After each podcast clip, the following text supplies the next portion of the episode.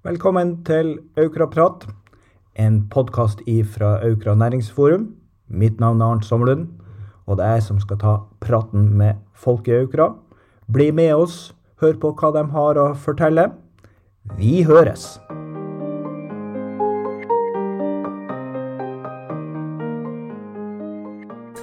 I dag har vi med oss Odd Jørgen Nilsen. Ordfører og ordførerkandidat på Høyre si liste i Aukra. Velkommen til Aukra prat.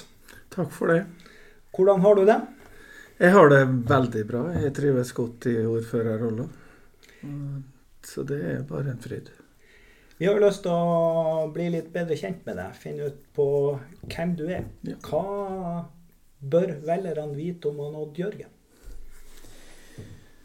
Eh, der, for det første så har jeg lyst til å komme litt inn på startmessig da, i forhold til at eh, det var jo en krevende start å bli ordfører i Aukra med nedleggelse av Vard Aukra. Og rett over i covid. Noe som gjorde at vi satt og treftes på skjerm.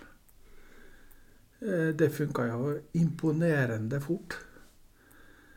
Men det, er jo litt, det blir jo litt redusert, da.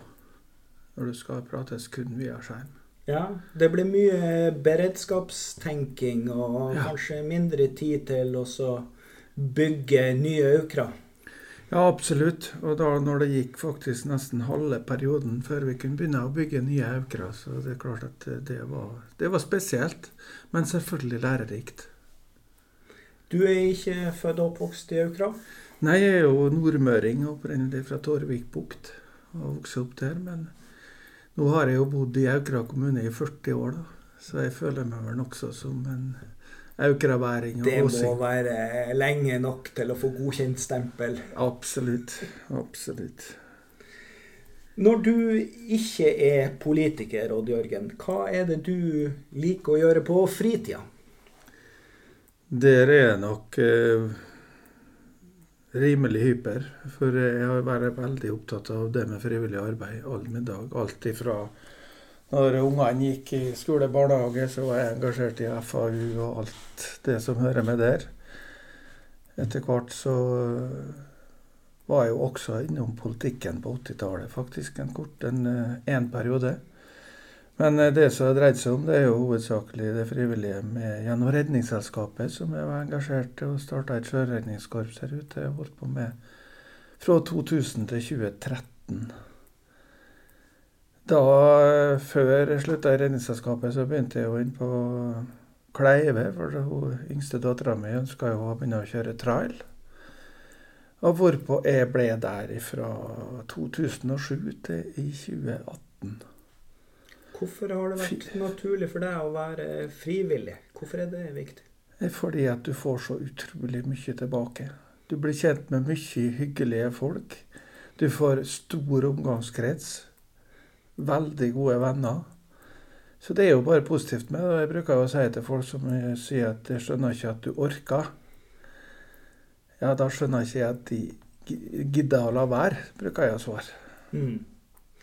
Det er vel gjerne det man kaller for meningsfylt fritid. Absolutt.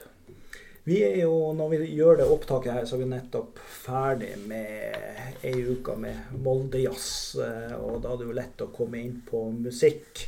Ja. Eh, og hva er det som er din favorittmusikk, eh, Odd Jørgen? Det er nok ikke den, eh, si, den tyngste jazzen. Jeg er nok mer på rockesida, om jeg skal kalle det det. TNT, Scorpions, Queen. Eh, hvis jeg skal bevege meg litt over, så er det Henning Kvitnes. Eh, generelt bluesrock. Ja. Og den største opplevelsen jeg hadde på jazzen i år, det var ei som heter Tora. Som på en måte har begynt å bli kjent. Ei trønderjente som er et skikkelig fyrverkeri. Altså. Ja, Imponerte meg. Spiller litt uh, hard gitarrock. Ja, og der er jeg. Der er du. Det er bra. Da har vi funnet din eh, musikalske nisje. Ja. Vi er jo litt sånn ute etter skjønner du, å, å, finne ut hva det er slags kulturmenneske vi har med å gjøre. Ja. Og da er det naturlig også å spørre om litteratur, og nevne ei bok som du har lest som var bra, og hvorfor? Ja, der, der sliter jeg. For jeg har begynt på mange bøker. Jeg husker en av de jeg husker best det var jeg starta på en Kjell Magne Bondeviks bok. Den så jeg jo var interessant. Videre så gikk jeg over på Erna Solberg. Ja, det er du nesten forplikta til. Ja, det er klart det var. Og så krimbøker da med f.eks. en Jørn Horst, som ja. er en tidligere politikollega. og Det er klart, det fenger meg jo litt. Men det er beklageligvis sjelden at jeg har greid å fullføre ei bok. Ja, Man skal liksom ha tida til det, og det er kanskje ikke det man får mest tida til når man skal lese 400 sider sakspapirer som ordfører. Ja, og det òg før den tid, 40 år i politiet, sånn, så du leste så utrolige mengder med rundskriv og all verden at du var på en måte Det var mer enn nok lesing i løpet av en arbeidsdag som gjorde at det var ikke det første du begynte på når du kom hjem. Men du fatta interesse for krim og Jørn Lier Horst, og, ja.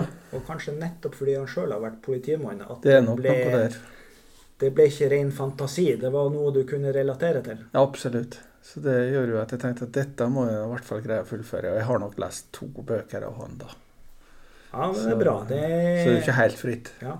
De sier jo det, forfatterne. Det viktigste er at man leser, ikke nødvendigvis hva man leser. Ja, det er akkurat det så er vi litt sånn ute etter å finne ut på eh, det som på nynorsk heter 'guilty pleasure'. Ja. Ting du gjør som du kanskje er litt flau over, men som du gjør likevel. Ja.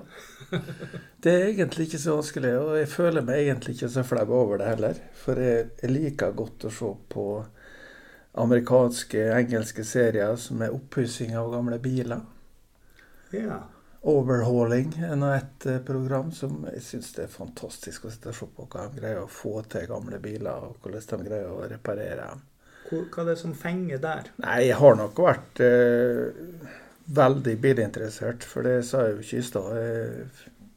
I min tidligere, altså Som ungdom så lærte jeg meg å skru bil sjøl. Ja. Eh, og det holdt jeg på med i hvert fall 20 år.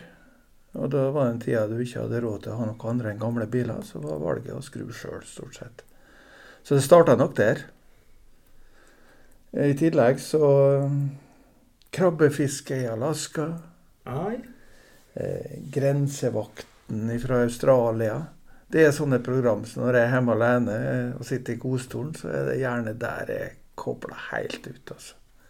Ja. ja, men det skjønner jeg. Vi skal litt over på sånne ting som er viktig for deg som politiker. Mm. Eh, og tenkte å høre hva Hvis du skal velge deg tre hjertesaker? Ja, det er jo selvfølgelig vanskelig, men det er jo ikke vanskelig å si at det med å drifte av Aukra kommune er jo det absolutt viktigste vi gjør som politikere. Og da er det jo alltid hovedområder vi snakker om. Sant? Det er jo barnehage, skole og helse og omsorg.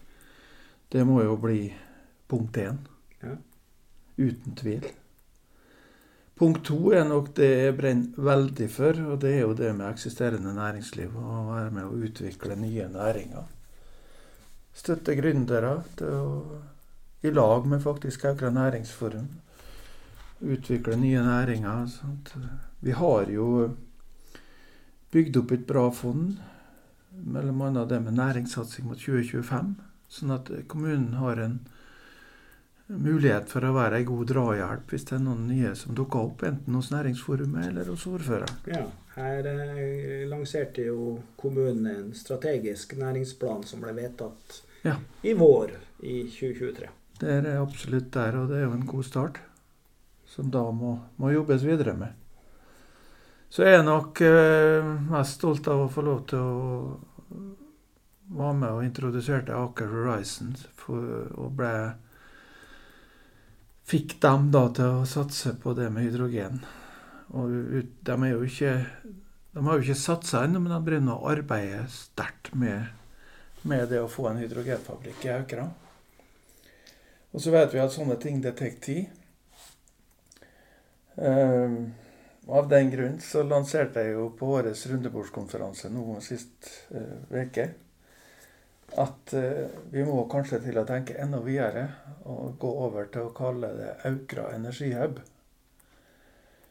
I det videre arbeidet mot det, da. Hvorfor er det viktig å utvide det fra Fordi hydrogen til energi? Jeg tror vi må ikke bli fastlåst bare i hydrogen. Og i det så ligger det jo det at vi har eh, f.eks. en uutnytta mulighet ute der. Ikke minst hvis det blir hydrogenfabrikk. Det er jo det med spillvann. Gjenbruk av spillvann. Som kan brukes, som jeg sa, både til havbruk og hagebruk.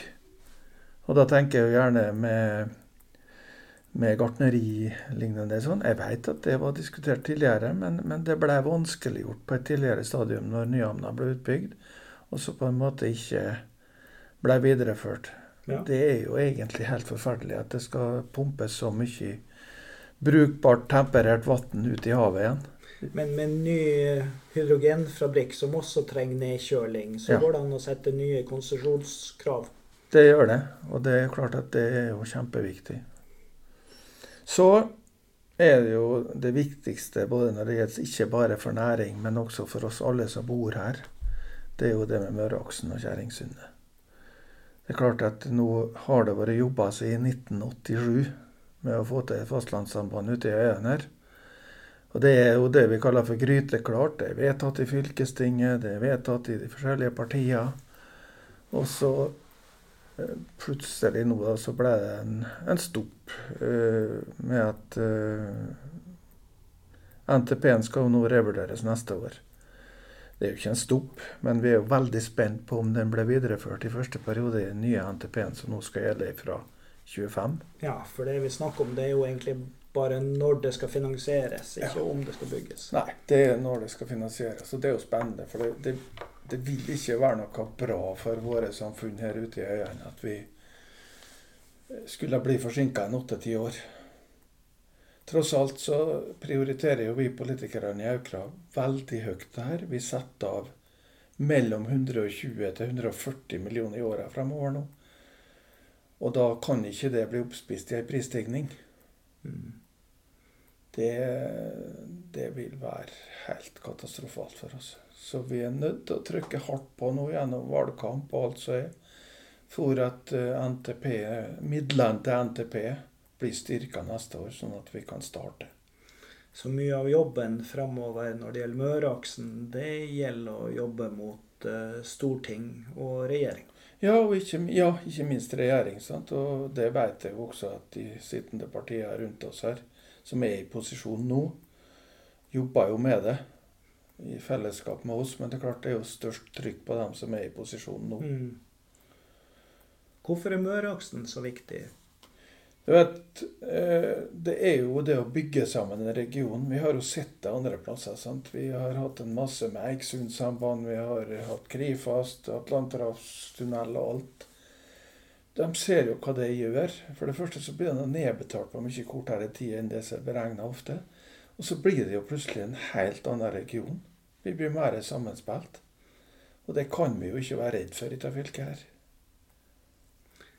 Det høres ut som eh, tre gode hjertesaker, det der. Ja. Eh, jeg har en liten tredje en. For det, sånn, og det, det, er det, er jo det med frivillighet. Ja. For det er klart at Uten frivilligheter så stopper Norge, og det stopper også Aukra kommune. Vi er helt avhengig av at vi har frivillighet. Og de må jo da støttes på det beste vi kan. Det er jo avhengig f.eks. For i forhold til å få hjelp i, forhold til, i helse og omsorg.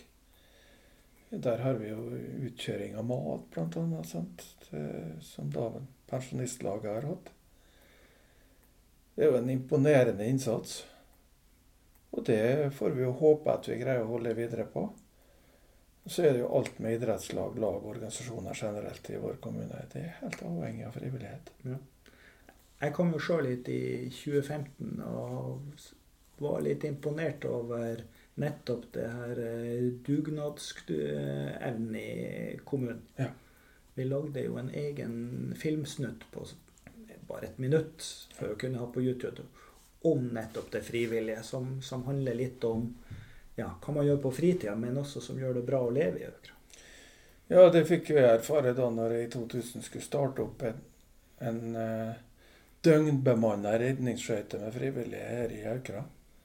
Vi starta vel med en 40 personer, minst. Så vet vi jo alltid at det blir litt barbert ned på sikt. Men dette er jo fortsatt i drift av frivillige. Og det å ha ei redningsskøyte på vakt døgnet rundt, og sørge for vaktliste og alt, da er en avhengig av at en har eh, en umasse frivillige. Og ikke bare det, men de må jo helst være litt fagfolk òg. Så det er jo gjerne sjøfolk og sånn som er på land, og sånn som vi greide å engasjere. Mm. Så, så, det viser jo bare at det er jo den biten av det.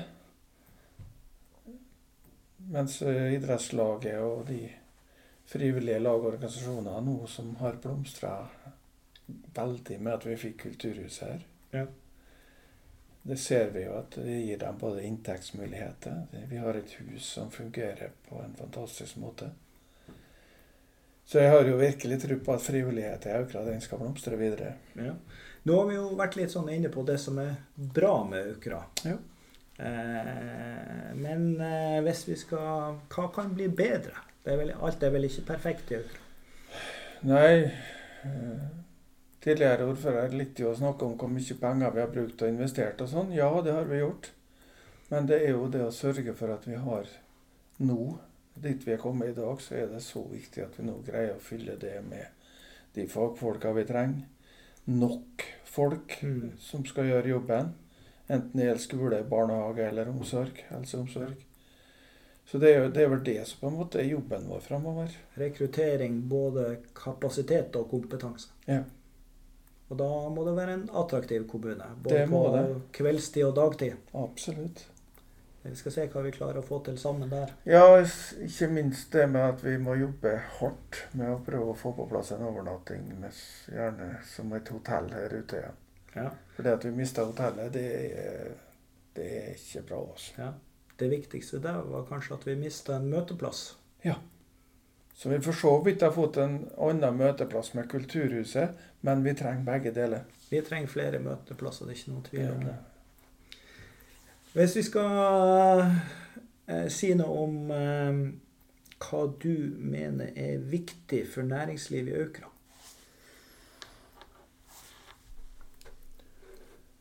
Det er jo for det første å ha stabile og, og gode tilsatte, selvfølgelig. Nok tilsatte. Ja. Vi må ha en næringspolitikk som belønner og ikke straffer den som ønsker å investere med patriotkapital ute i distriktene. Grunnen til at jeg bruker det ordet, det, jo, det ble jo innført i hvert fall første gang jeg hørte det, var en Helge Orten som nevnte det i forbindelse med åpninga på Viken Co. Og Det synes jeg var en veldig god, god vinkling. Kaller det for patriotkapital. Og lokalpatriotismen som gjør at vi har Viken hvor vi har Eh, Selmen Evolution og eh, borti Harøysundet, så er det jo patriotkapitalen som gjør at det ligger der. Ja. Det er jo ikke gitt at hvem som helst skal investere 800 millioner på Rindarøy. Det er helt sikkert, altså. Så må vi som kommune være en aktiv tilrettelegger både for eksisterende og nytt næringsliv ved å være en ja-kommune. Og det, Jeg føler jo egentlig at Aukra kommune er på teknisk side f.eks. så er vi frampå. Vi er snar å, løse ting og prøver å finne løsninger i stedet for å se problemer. Så vi er langt på vei en god ja-kommune. Men vi kan aldri, vi må hele tida utvikle oss. Hvis du sånn avslutningsvis eh, skal si litt om eh, hvorfor eh, skal folk i Aukra stemme på akkurat deg og ditt parti? Jo. Det Aukra Høyre de har jo ei god sammensatt liste nå, som er godt representert fra begge sider av fjorden. Vi er så heldige å ha med folk både fra næringsliv, god fordeling på kjønn og alder. Og som ordfører så er jeg superklar for fire nye år. Vi går jo inn i en krevende periode videre også. Vi skal bl.a. inn i en rettssak med Gassco angående eiendomsskatten.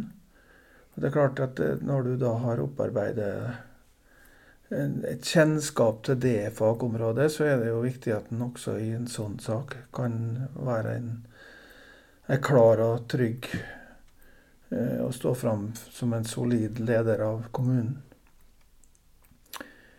Jeg mener jo sjøl at jeg er lagbygger. Jeg har jobba mye med at vi skal legge til rette for at eh, kommunestyret i Aukra skal fungere best mulig. For politikere, administrasjon og ikke minst tilsatte og innbyggere. Og den rolla ønsker jeg å ha videre i fire nye år, under motto muligheter for alle. Odd Jørgen Nilsen, takk for at du tok deg tida til å komme til Aukra Prat og til oss i Aukra Næringsforum. Da gjenstår det bare å si godt valg. Takk for det.